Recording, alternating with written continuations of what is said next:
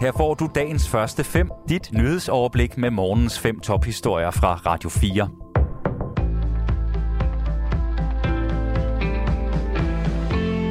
Godmorgen, det er onsdag den 24. august, og jeg hedder Signe Ribergaard Rasmussen.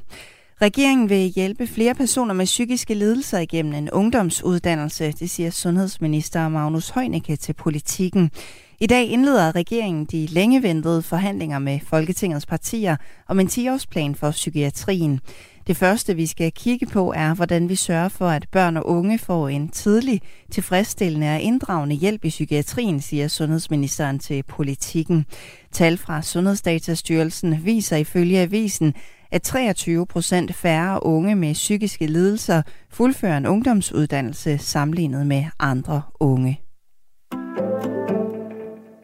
Ledige med iværksætterambitioner skal kunne få en særlig ydelse.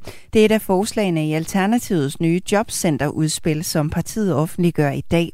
Ydelsen skal få flere i gang med iværksætterdrømmene, siger Alternativets beskæftigelsesordfører Troels Christian Jacobsen.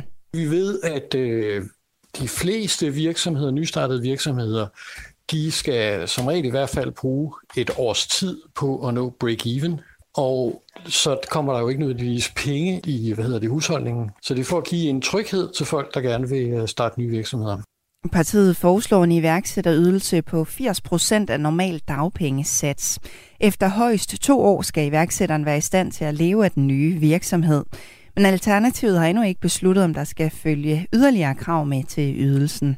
Det er noget, vi øh, gerne vil tale med de andre partier om, og vi vil gerne tale med A-kasserne om det, hvad, fordi det handler også om A-kassernes virkelighed, om hvad øh, er det muligt, altså hvad fungerer godt ud i den virkelighed, de kender.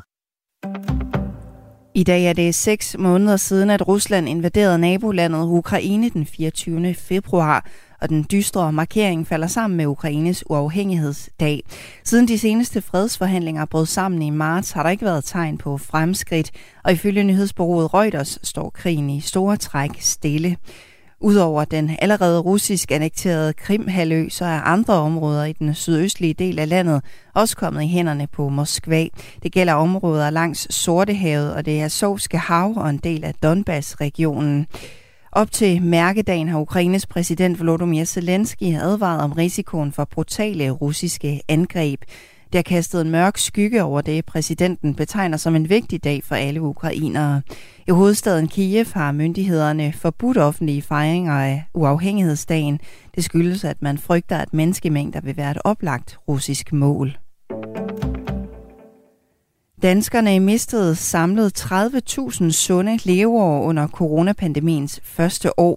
Det er i gennemsnit 13 sunde leveår per person, som døde med covid-19.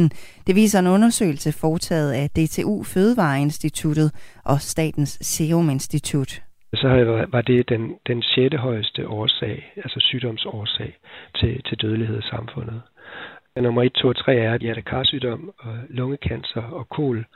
Øh, og, øh, og covid i det første år her lå altså så på en 6. plads.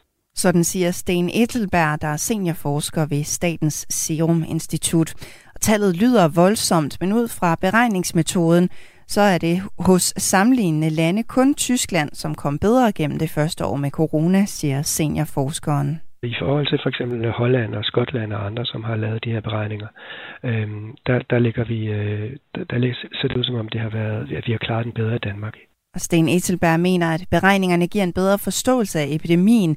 Den kan nemlig sætte covid-19 i relation til andre sygdomme og situationen i andre lande. Den amerikanske topdemokrat Nancy Pelosi's mand har erklæret sig skyldig i spirituskørsel i delstaten Kalifornien.